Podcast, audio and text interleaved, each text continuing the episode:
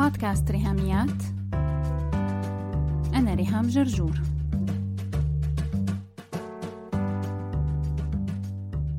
مرحبا. اللي بحط عقله براسه بيعرف خلاصه.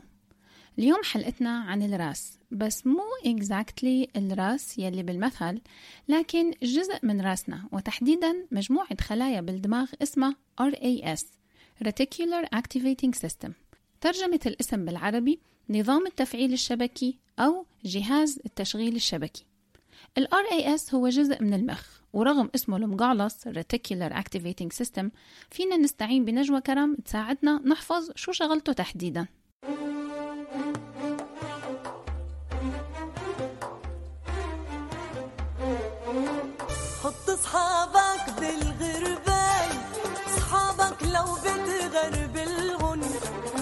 بدل أصحابك رح نقول حط أفكارك بالغربال أفكارك لو بتغربلهم. الدماغ البشري عنده سيستم فلترة أو غربال ذهني بيخدم الإنسان إنه بيخلق له مناطق عمياء بدماغه. كيف يعني؟ لو شي مرة جربتي تقري رواية وكنتي غايصة فيها تماما بتتذكري كيف العالم من حواليكي كان عم يتلاشى؟ ما بتسمعي زمامير السيارات ولا بتلاحظي الحركة اللي حواليكي ولا أي شيء كل تركيزك منصب على الرواية والكتاب اللي بين إيديكي لو شي مرة كنتي بتجمع عائلي أو مكان زحمة وما فيك تميزي الحوارات والأصوات اللي الناس عم يتحدثوها لكن وسط الضجة حدا نده اسمك دغري بتلتفتي وبتنتبهي لاسمك. وقت النوم بعد ما تغمضي عيونك فيك تلاحظي كيف تدريجيا حواسك بتبتدي تنطفي. واحدة ورا الثانية وجسمك بصير كأنه فاقد للإحساس وبيكون دخل بحالة استرخاء تام وبتنامي. حواسنا بتستقبل تقريبا 11 مليون رسالة بكل لحظة. يا لهوي كمية مهولة من الداتا تقدر بالملايين موجودة حوالينا ومتاحة حتى حواسنا تستقبلها كلها. لكن قدرتنا على الإدراك والتحليل الواعي بتستحمل بس 40 رسالة بالثانية. هو يعني مو بس الصراحة لأنه لسه الرقم كبير 40 رسالة بالثانية. لكن الفكرة أننا نفهم الفرق ما بين المتاح حوالينا وما بين يلي فعلا بيدخل على دماغنا أنه فرق ضخم كتير. وهذا شيء صحي وممتاز لأنه كان دماغنا انفجر. لو بكل لحظة بفوت عليه فعليا 11 مليون معلومة ورسالة والفضل بتخفيف الضغط عن دماغنا بيرجع لهذا الغربال يلي عم نحكي عنه غربال الرأس. يعني شكرا لل RAS Reticular Activating System. تعالوا نتعلم مثل جديد من أمثال سنة 2020 شكرا يا راسي. لولاك كان وجعني راسي. لأنه فعليا لولا نظام التفعيل الشبكي لأصابنا الجنون من كثرة المعلومات يلي حوالينا بكل أنواعها. كم الألوان كم الأسطح والخامات للملمس كم الروايح والأصوات. لا لا لا الوضع كان هيبقى مستحيل الصراحة. هون بنجي للسؤال. هل يا ترى ال RAS بيشتغل بطريقة واعية ولا لا؟ يعني هل نحن فينا نتحكم بعملية الفلترة؟ نعطيه مقياس لهالغربال شو يدخل وشو يرمي برا؟ والجواب هو نعم منقدر وهذا بيت القصيد بحلقة اليوم والسبب إني اخترتها تكون من حلقات بداية السنة بشهر واحد شهر كانون الثاني يناير 2020 لأنه لو فهمنا صح الشغل تبع ال RAS بنقدر نستعين فيه بشكل غير عادي خلال يومنا. ونخلي نظام التفعيل الشبكي يكون واحد من أكثر الأدوات المفيدة والعملية بالسنة الجديدة في سبيل تحقيق أهدافنا وأحلامنا للسنة على كل الأصعدة سواء دراسة أو شغل أو علاقات. ونقدر فعلا نتحكم بالتوجه العام بالحياة. لما نعرف كيف فينا نطبق عمليا كل اللي رح نتعلمه عن ال RAS Reticular Activating System. إنه يكون عندي منبر أقدم من خلاله محتوى يعمل فرق حقيقي بحياة الناس وتحديدا بحياة المرأة الناطقة باللغة العربية حول العالم فهذا المنبر أنا بالنسبة لي بعتبره شرف. وهالمنبر مقسم لثلاث قنوات بودكاست ريهاميات يلي هو مدونة صوتية مسموعة وموقع ريهاميات dot com يلي هو مدونة مكتوبة مقروءة ويوتيوب channel ريهام جرجور يلي فيه فيديوهات مرئية. وهالثلاث قنوات؟ بيخدم عليهم صفحة فيسبوك وحساب على إنستغرام. لحتى حافظ على المحتوى إنه يكون مجاني ويكون كمان قيم من حيث المضمون ومن حيث الشكل كمان والقالب يلي بقدمه فيه بحتاج إني أشتري كتب بحتاج أصرف على معدات وأدوات وكمان بكون عندي اشتراكات والتزامات مادية أونلاين. وهالشي ما بقدر أقوم فيه لحالي لأنه بشكل استنزاف مادي بالنسبة لإلي. لهيك أنا حابة أشارككم بطريقتين متاحين للي حابب يدعم المحتوى المجاني لبودكاست ريهاميات والموقع واليوتيوب channel إنه فيكم تقدموا التدعيم عن طريق باي بال أو موقع باتريون سواء بمبلغ معين أو بدعم شهري بيبتدي من دولار واحد بالشهر. رح تلاقوا اللينكين تبع باي بال وباتريون موجودين مع notes هالحلقة وكمان على موقع ريهاميات dot com وشكرا مقدما لدعمكم وتشجيعكم بطرق وأشكال مختلفة. خلونا هلأ نرجع نكمل حلقتنا مع بعض.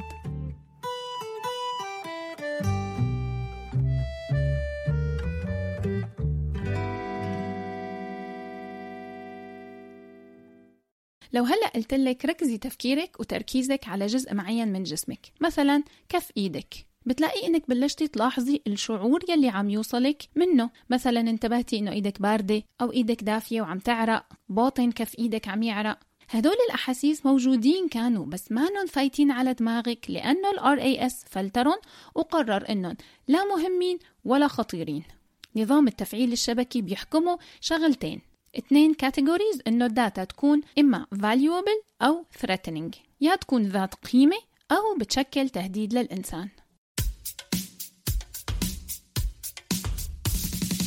نظام التفعيل الشبكي هو مثل اسمه عبارة عن شبكة من الخلايا موجودة بمركز بالدماغ وهذا المركز مرتبط بالصحيان والنوم والانتباه والتركيز وشبكة هالخلايا حرفيا بتفلتر المدخلات الحسية وبترفض دخول أي شيء غير متعلق بالموضوع irrelevant sensory input بس شو هو الموضوع؟ يعني مين يلي بيحدد هالمدخلات هل هي relevant أو irrelevant؟ وهذا سؤال منطقي كتير لأنه حتى شبكة هالخلايا تعرف تفلتر لازم يكون عندها معايير أو مقاييس معينة تفلتر على أساسها. قعدت هيك أتخيل ودور على تشبيه يمكن يساعدنا إنه نفهم شغل ال RAS فتخيلت إنه دماغي هو قاعة مؤتمرات وعلى باب القاعة في مكتب استقبال جواته سكرتيرة تنفيذية. لازم كل حدا من المشاركين بالمؤتمر يعدي عليها لحتى هي تقرر إذا هالشخص يدخل ولا لا. الناس هدول هن ال data أو المدخلات يلي عم تتهافت على المؤتمر يلي هو دماغي. فبقول لسكرتيرة المكتب التنفيذي فوتي بس الناس يلي معهم تذاكر و screen out the junk. هيك هي بتعرف إنه اللي معه تذكرة بفوت واللي ما معه تذكرة فهاد يصنف junk كلياتنا عنا قاعة محاضرات وعنا مكتب تنفيذي بس مو كلنا عنا سكرتير أو موظف شغال جوا المكتب. نظام التفعيل الشبكي هيك هيك شغال بدماغ كل الناس. يعني هالمكتب موجود. ولو نحن ما وظفنا شخص جوا المكتب معه سيستم للفلترة فالمكتب هو لحاله بحدد مين يدخل ومين لا. يعني قبل هالحلقة وقبل ما تكوني سمعتي أساسا عن ال RAS كان شغال ولا مو شغال؟ لا كان شغال طبعا. لكن كانت المعلومات اللي عم تدخل على دماغك عم تتفلتر على أساس أفكارك وقيمك. حتى لو أنت ما كنت محددتيها بوضوح لهالأفكار والقيم لكن أخذ شكل ما وهالشكل بيستنتجه دماغك تلقائيا من أسلوب حياتك. أيا كان أسلوب حياتك لو كانت حياة عشوائية أو لو كانت حياة منظمة بالنهاية كلياتنا عنا قيم واهتمامات بيستند عليها ال RAS لحتى تكون هي مقياس الفلترة. شفتي لوين أنا عم حاول أوصل؟ إنه لما أنا بركز إراديا على شيء معين بيقوم الدماغ بيحدد إنه آه أوكي هذا أمر له أولوية عند ريهام فبيعلم عليه وبالتالي المدخلات يلي ما إلها علاقة فيه بخليها برا. حلو كتير. هلأ تعرفنا على نظام التفعيل الشبكي وشو أهميته وشو بيعمل. خلونا طيب نذكر شوية أمثلة عملية. بالنسبة للأمهات يلي عم يسمعوني ال RAS بيفسر لك الظاهرة الكونية يلي بتصير معك دايما لما بيكون ولادك عم يتفرجوا على التلفزيون أو عم يلعبوا على الموبايل وبتنادي لهم يلا على الغداء وما حدا بيسمع. شيل الزفت من إيدك وما حدا سامعك. بمناسبة الحديث عن الزفت بشجعك تسمعي حلقات تسونامي الشاشات من بودكاست ريهاميات. هني ست حلقات ابتداء من حلقة رقم 20 مهمين كتير بخصوص أضرار الجيمنج ومخاطر الاستخدام المفرط للشاشات.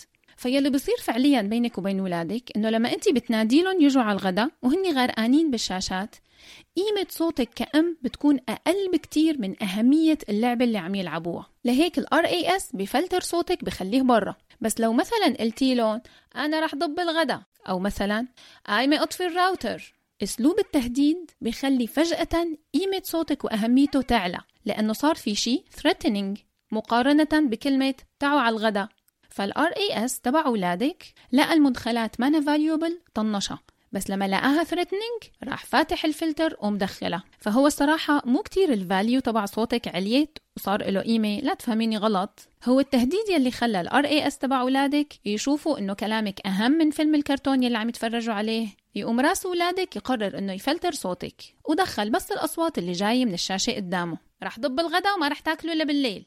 ال RAS فلتر صوتك لجوا وخفتت أهمية اللعبة وقاموا الأولاد ياكلوا.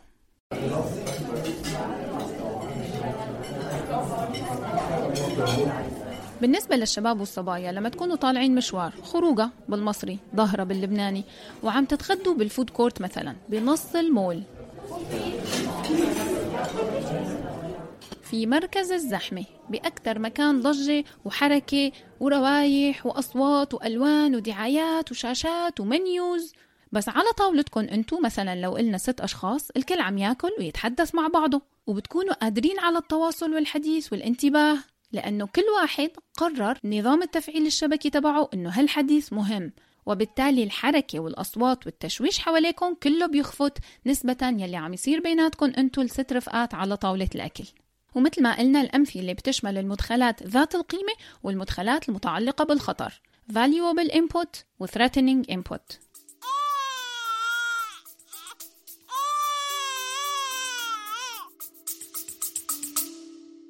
رح نطلع فاصل قصير ونرجع نكمل حلقتنا مع بعض. أنا مي الخولي host بودكاست سبيشال أم. بتكلم على كل حاجة تخص الأم والعيلة ككل. أوعدكم هتسمعوا معلومات تستفيدوا بيها وحلول عملية سواء للمشكلات اليومية أو التحديات الأكبر اللي ممكن تمر بأي أسرة. نسيت أقول لكم إن أنا Certified Parent Coach وأهم من ده أنا أم زيكم مضغوطة و overwhelmed and trying to figure it out. please follow ال link بتاع البودكاست في ال show notes تحت.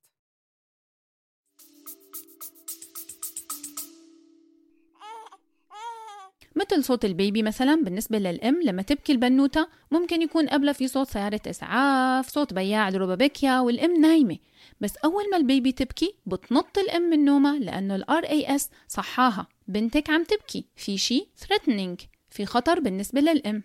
أما بالنسبة للجيران يلي عم يسمعوا صوت بكاء البيبي فغالبا ما انتبهوا له من أساسه.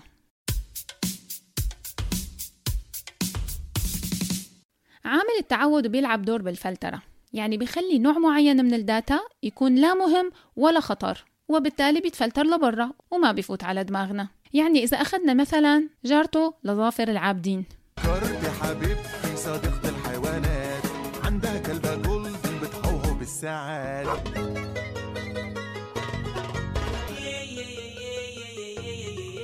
لو تخيلناها ساكنة بالطابق الأرضي والكلب عم يعوي طول اليوم وإجينا نحن طبعا مو ظافر العابدين نقلها سكتي لياه رح نلاقيها عم تقول مين؟ لوكي؟ لوكي زي النسمة ولا طالع له حس. هي الصراحة لا عم تكذب علينا ولا سايقة العبط بس هي متعودة على صوت لوكي ومن أول ما اشترت الكلب وهو بيهوهو بيهوهو بيهوهو. نباح الكلب وفقا لل RAS تبع أصحابه بيتفلتر وبضل برا بينما نباح نفس الكلب بالنسبة لل RAS تبع الجيران بخليه يدخل لإدراكهم وبالتالي بيسمعوه وبينزعجوا منه. بعد أمثلة الأمهات والشباب وجارتي حبيبتي صديقة الحيوانات رح أعطيكم مثال يخص المدرسين والمدرسات بالكلاسات. أنا عايزة أعرف مين حضرتك وإزاي تدخل عليا كده class؟ كيلاس إيه؟ مفيش حاجة اسمها كيلاس. كيلاس يعني ده كيلاس وده كيلاس وده كيلاس. دول كيلاسات. بما أنكم عرفتوا من حلقتين إني أنا انجلش تيتشر سابقا فأنا عم أحكي عن دراسة وعن خبرة. ما عم أتنطط على المدرسين لأنه هي معلومة تانية عني انه المدرسين والأطباء تحديدا عندي لهم احترام خاص جدا. مع كل معزتي القلبية لكل المهن بس أنا متعصبة شويتين زيادة للأطباء والمدرسين بالحياة. فقديش بنشتكي نحن كمدرسين إنه الطلاب ما عم ينتبهوا بالحصة وسرحانين بالدرس ومنحط الحق عليهم مع وصمة إنه فلان غبي وعلان شقي وفلانة هبلة وعلانة نعسانة. هلأ بعد ما تعرفنا على نظام التفعيل الشبكي صار فينا قبل ما نلوم الطلاب نسأل حالنا هل يا ترى أنا محضرة حصتي منيح وعاملة درس شيق حتى يدخل جوا رأس الطالب؟ هلا أنتم ما شفتوني عم بعمل air quotes على كلمة راس بأصابعي حطيتها بين قوسين. بس قصدي إنه نظام التفعيل الشبكي يسمح للدرس بالدخول ويصنفه valuable input مدخلات ذات قيمة. أيا كانت المادة يلي بدرسها تاريخ رياضيات علوم أو دراسات وما أدراكم عن منهج الدراسات تبع رابعة ابتدائي بمصر. كل الناس عم تشكي منه. يلي هي بسوريا كنا نسميها اجتماعيات. فعليا هني تاريخ وجغرافيا والغالبية العظمى من الولاد بيكرهوهم بس أنا عم حاول لاقي طرق خلي ابني يحب المادة وأنا عن جد بحب الجغرافيا. بأمانة صراحة يعني أنا بحب الجغرافيا وطول عمري شاطرة بالجغرافيا. بس للأسف في كتير من مدرسين الاجتماعيات مدرسين منهج الدراسات أسلوبهم قديم لدرجة مخلي ال RAS مفلتر الدراسات كلها على بعضها برا دماغ الولاد لكن أنا أيا كانت المادة يلي بدرسها خليني أعطيها أهمية وأبذل مجهود لحتى أخليها شيقة. بدل ما لاقي طلابي سرحانين قوم استخدم التهديد والوعيد والجأ لتاني category بالفلترة تبع نظام التفعيل الشبكي. انه لو فشلت خلي مادتي valuable input بلجأ لل threatening input وبخلي المعلومة تعبر فلتر ال RAS من باب الخطر والتخويف. فهلأ فهمنا ظاهرة التتنيح لما منلاقي الطالب باصص بعين المدرس لكن لا سامع شي ولا فهمان شي. المدرس كله على بعضه والمادة ذات نفسها ضلوا برا الغربال. واللي داخل على دماغ الطالب أمور تانية سواء من برا شايف قطة على الشباك ولا رفيقه اللي جنبه وقع القلم على الأرض أيا كانت تفاهة المدخلات يلي فايتة من برا أو يلي كمان موجودة بأفكاره. أحلام يقظة عم يفكر بالساندويتش وقت الفسحة وإنه معه مصروف ولا لأ يشتري كله هاد valuable input أكتر من الحصة والمدرس. فهلأ عرفنا هون النقطة المهمة. المفتاح إنك أنت تحددي رح تعطي قيمة لأمر معين هل هو خطر مستاهل إنه المدخلات تبعه تفوت على دماغك ولا لا رح تطنشيه وتقولي لحالك طنش تعش. فبالتالي راسك يبتدي يفلتر كل ما يتعلق بهذا الأمر ويخليه برا. ال good news إنه كل حدا فينا بإيده يتحكم براسه بإرادتنا فينا نتحكم بال RAS ونحدد الفلتر اللي تشتغل وفقا عليه شبكة هالخلايا. كل ما أتذكر بدايات بودكاست ريهاميات كيف سجلت الحلقات الأولى على موبايلي بمجرد أنه كان معي السلك الأبيض تبع السماعة يلي فيها ميكروفون. وكيف أني تدريجيا اشتريت أول ميكروفون professional وبعدين الثاني وبعدين اشتريت برنامج متخصص لل sound editing بس اللي كان معي من أول يوم ومن أول حلقة هو Buzzsprout أي حدا عم يفكر يبدأ البودكاست الخاص فيه بنصحكم لما تجوا تختاروا host أو موقع مستضيف للبودكاست إنكم تختاروا Buzzsprout ال podcasting مغامرة ممتعة كتير لو معكم الأدوات الصح. وبالنسبة لإلي ال podcasting هو شغل ولكنه ممتع ومثمر لأنه معي الأدوات الصح وواحدة من هالأدوات هي Buzzsprout بشجعكم تنضموا لأكثر من 100 ألف podcaster بيستخدموا Buzzsprout ورغم أنه عددنا ضخم لكني دايما معهم حاسة أنه بودكاست ريهاميات مميز وأنه ما مجرد رقم بالزحمة. وعن طريق Buzzsprout قدرت أضمن أنه البودكاست تبعي يكون موجود على كل ال directories المشهورين أبل وجوجل وسبوتيفاي و Stitcher وكل الأسامي العالمية الكبيرة. مع notes هالحلقة بتلاقوا link يعرفكم أكثر على Buzzsprout وكمان بخبرهم إنكم تعرفتوا عليهم عن طريق بودكاست ريهاميات. ومن هال link بيطلع لكم هدية بقيمة 20 دولار من أمازون لما تختاروا واحدة من الاشتراكات الشهرية المدفوعة الأجر. مع Buzzsprout البودكاست تبعك والبودكاست تبعك ما رح يكون مجرد رقم بالزحمة.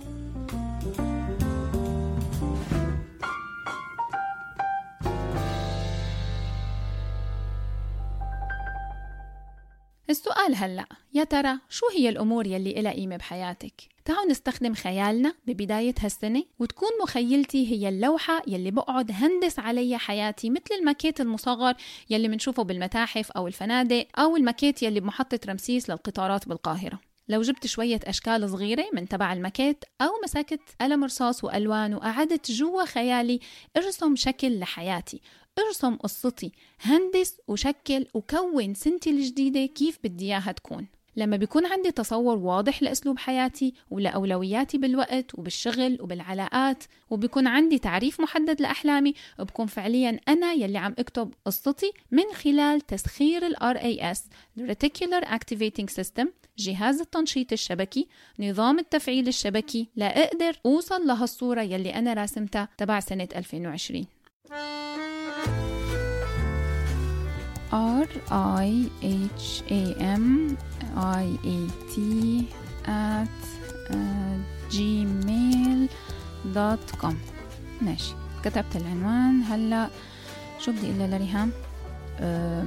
أنا اسمي فلاني من البلد الفلاني. سند. شفتي شو سهل الاشتراك بال course المجاني Wild and Free 2020 تابعي حساب ريهاميات على انستغرام وصفحة ريهاميات على الفيسبوك وهاشتاج Wild and Free 2020 لو حابة تاخدي فكرة عن ال course المجاني يلي رح يكون بخلال سنة 2020 عبارة عن 52 فيديو رح نشتغل عليهم خلال السنة الجديدة. لا تترددي بعتي لي إيميل على ريهاميات at gmail.com فيه اسمك وبلدك وخلي سنة 2020 تكون سنة التغيير الحقيقي بحياتك. تغيير صغير فرق كبير. بتتذكروا لما من قلنا قلنا بحلقة من الحلقات إنه الهدف هو عبارة عن حلم لابس تياب الشغل؟ الصورة يلي انت تخيلتيها بمخيلتك هي البداية اني حط شكل وتعريف لحلمي وحدد خطوات تحقيقه. كمان بعلاقاتي يكون عندي تخيل لديناميكية علاقاتي بعيلتي بشغلي بدراستي مع الناس يلي بحتك فيهم مع كل زملائي حتى مع الناس بالشارع وأنا سايقة سيارتي بشوارع بلادنا تعاملاتي مع الخضرجي كل هاي العلاقات والتفاعلات والأشياء يلي بعملها بيومي بقدر إني يكون اراديا عم أعطي ال RAS فلاتر معينه يستخدمها لفلترة المدخلات اللي جاي على دماغي. هلأ لو كلمة سنة بتخوف وطويلة كتير أشهر وأسابيع فكري بيومك. قسمي يومك للحظات وشوفي معي كيف انت بأي لحظة معينة عم يكون في ملايين ال data حواليكي المعلومات والرسائل اللي عم تحوم حواليكي وجاي على دماغك بس ما عم تفوت عليه لأنه دماغك فعليا ما بياخد كل هالمعلومات وبيحللها وكمان ما بياخد كل هالمعلومات وبيطنشها. دماغك في له RAS دماغك في له راس يعني. لهيك إذا حابة تعملي تدريب بسيط لل RAS اطلعي حواليكي هلأ ودوري على شغلات فيها لون أخضر مثلا. جراباتك الشجرة يلي سايقة جنبها. صحن بإيدك عم تجليه لأنك بتسمعي بودكاست ريهاميات أنت عم تغسلي المواعين. لوحة وراكي معلقة بالمكتب ال frame تبعها لونه أخضر. كلها هي data موجودة بس كان عقلك مفلترة لبرا. ولما قلتي له لراسك ابحث عن الأخضر قال لك أفندم مثل العسكري. كان مطيع وبلش يفلتر لجوا ويدخل كل الأشياء يلي لونها أخضر حواليكي. هذا تطبيق كتير بسيط للحظة واحدة بس بيومك يومك اللي هو 24 ساعة. فما بالك لو تخيلتي حياتك على طول السنة وحددتي أولوياتك. وكان واضح بذهنك شو يلي مكتوب جنبه هام وشو يلي علمتي عليه طنش تعش فنحن هلأ بدنا نمشي بيومنا نكتب هام طنش تعش هام طنش تعش أختي لما كانت بكالوريا ثانوية عامة أنا كنت تاني إعدادي. ومرة مسكت دفتر الفيزياء تبعها ولقيتها كاتبة بالقلم الأحمر جنب كل قانون من قوانين الفيزياء. هام هام هام رحت جبت أنا قلم رصاص وحطيت راء. نزلت بقى ري ري ري ري على كل هالقوانين. وتركت الدفتر. بعد شوي لما قعدت تدرس هي سمعتها من الأوضة. ريهام شو عاملة بدفتري؟ بعدها صارت تكتب جنب القانون مهم ونفدت مني بطريقة ذكية. امسكي دفتر حياتك وعلمي على كل نقطة فيه بقلمين. قلم رح تكتبي فيه كلمة مهم وقلم رح تكتبي فيه كلمة طنش تعش ومن هون راسك نظام التفعيل الشبكي بيبتدي يفلتر ويرفض كل شيء معلم عليه طنش تعش ويفوت لك الداتا المرتبطة باللي علمتي عليه إنه هام. يعني مثلا لو أنا حلمي يكون انتربرنور ورائدة أعمال بمجال معين وأبدأ مشروعي الخاص. لما شغفي هذا بيتملكني وبتكون أفكاري كلها عنه بتوصل رسائل لرأسي إنه هذا أمر مهم. فبيبتدي ال RAS يلاحظ كل ما يتعلق بالمشاريع وال business والمعلومات والتسويق والتدريب والأشياء المتعلقة بالمجال يلي أنا فيه مهتمة. وبلاقي هال data جايتني من التلفزيون من الراديو من الإيميل من النت من الأحاديث اللي حوالي من ال social media من بودكاست ريهاميات مو لأنه ال data حوالي كترت لا لأنه ال RAS عم يفلتر لي اللي داخل إنه يكون بيخدم حلمي. وهلأ في نقطة كتير مهمة انتبهي لها منيح. يلي بيصير إنه فوق المدخولات الخارجية يلي عم تفوت على دماغي وإلها علاقة بمشروعي و once هال data دخلت عقلي بقى بيبتدي يخلق هو جواته flashes أو ومضات من الأفكار الخلاقة والإلهام الخاص فيني أنا. يعني بتبتدي بنات أفكاري تشتغل. فببتدع لنفسي أمور ما كانت موجودة برا الفلتر ولا موجودة جوا الفلتر ولا استقبلتها من حوالي. لكن نتيجة ال data يلي ال RAS دخلها دخلها بكثافة متعلقة بمشروعي أو بحلمي. لقيت أنا أنه عقلي عم يخلق بدائل عم يخلق حلول لمشاكل عم يخلق تربيطات جديدة وانتعش عنده فعلا الإبداع. وببتدي يخطط لتنفيذ أفكار جديدة؟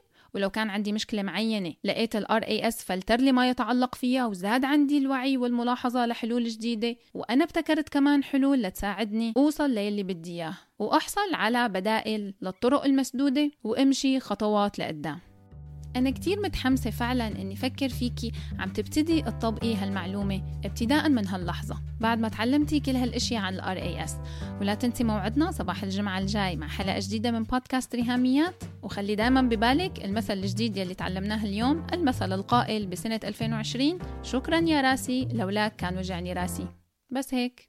لو عجبتكم الحلقة لا تنسوا تشاركوها على ال social media حتى ناس أكثر تستفيد. تقدروا تتواصلوا معي عبر الموقع الإلكتروني لبودكاست ريهاميات www.rihamiat.com أو تبعتوا لي إيميل على ريهاميات at gmail.com أو message واتساب على الرقم 020 12 79 709 719 وعلى الفيسبوك دايما تابعوا صفحة وهاشتاج ريهاميات. سلامات.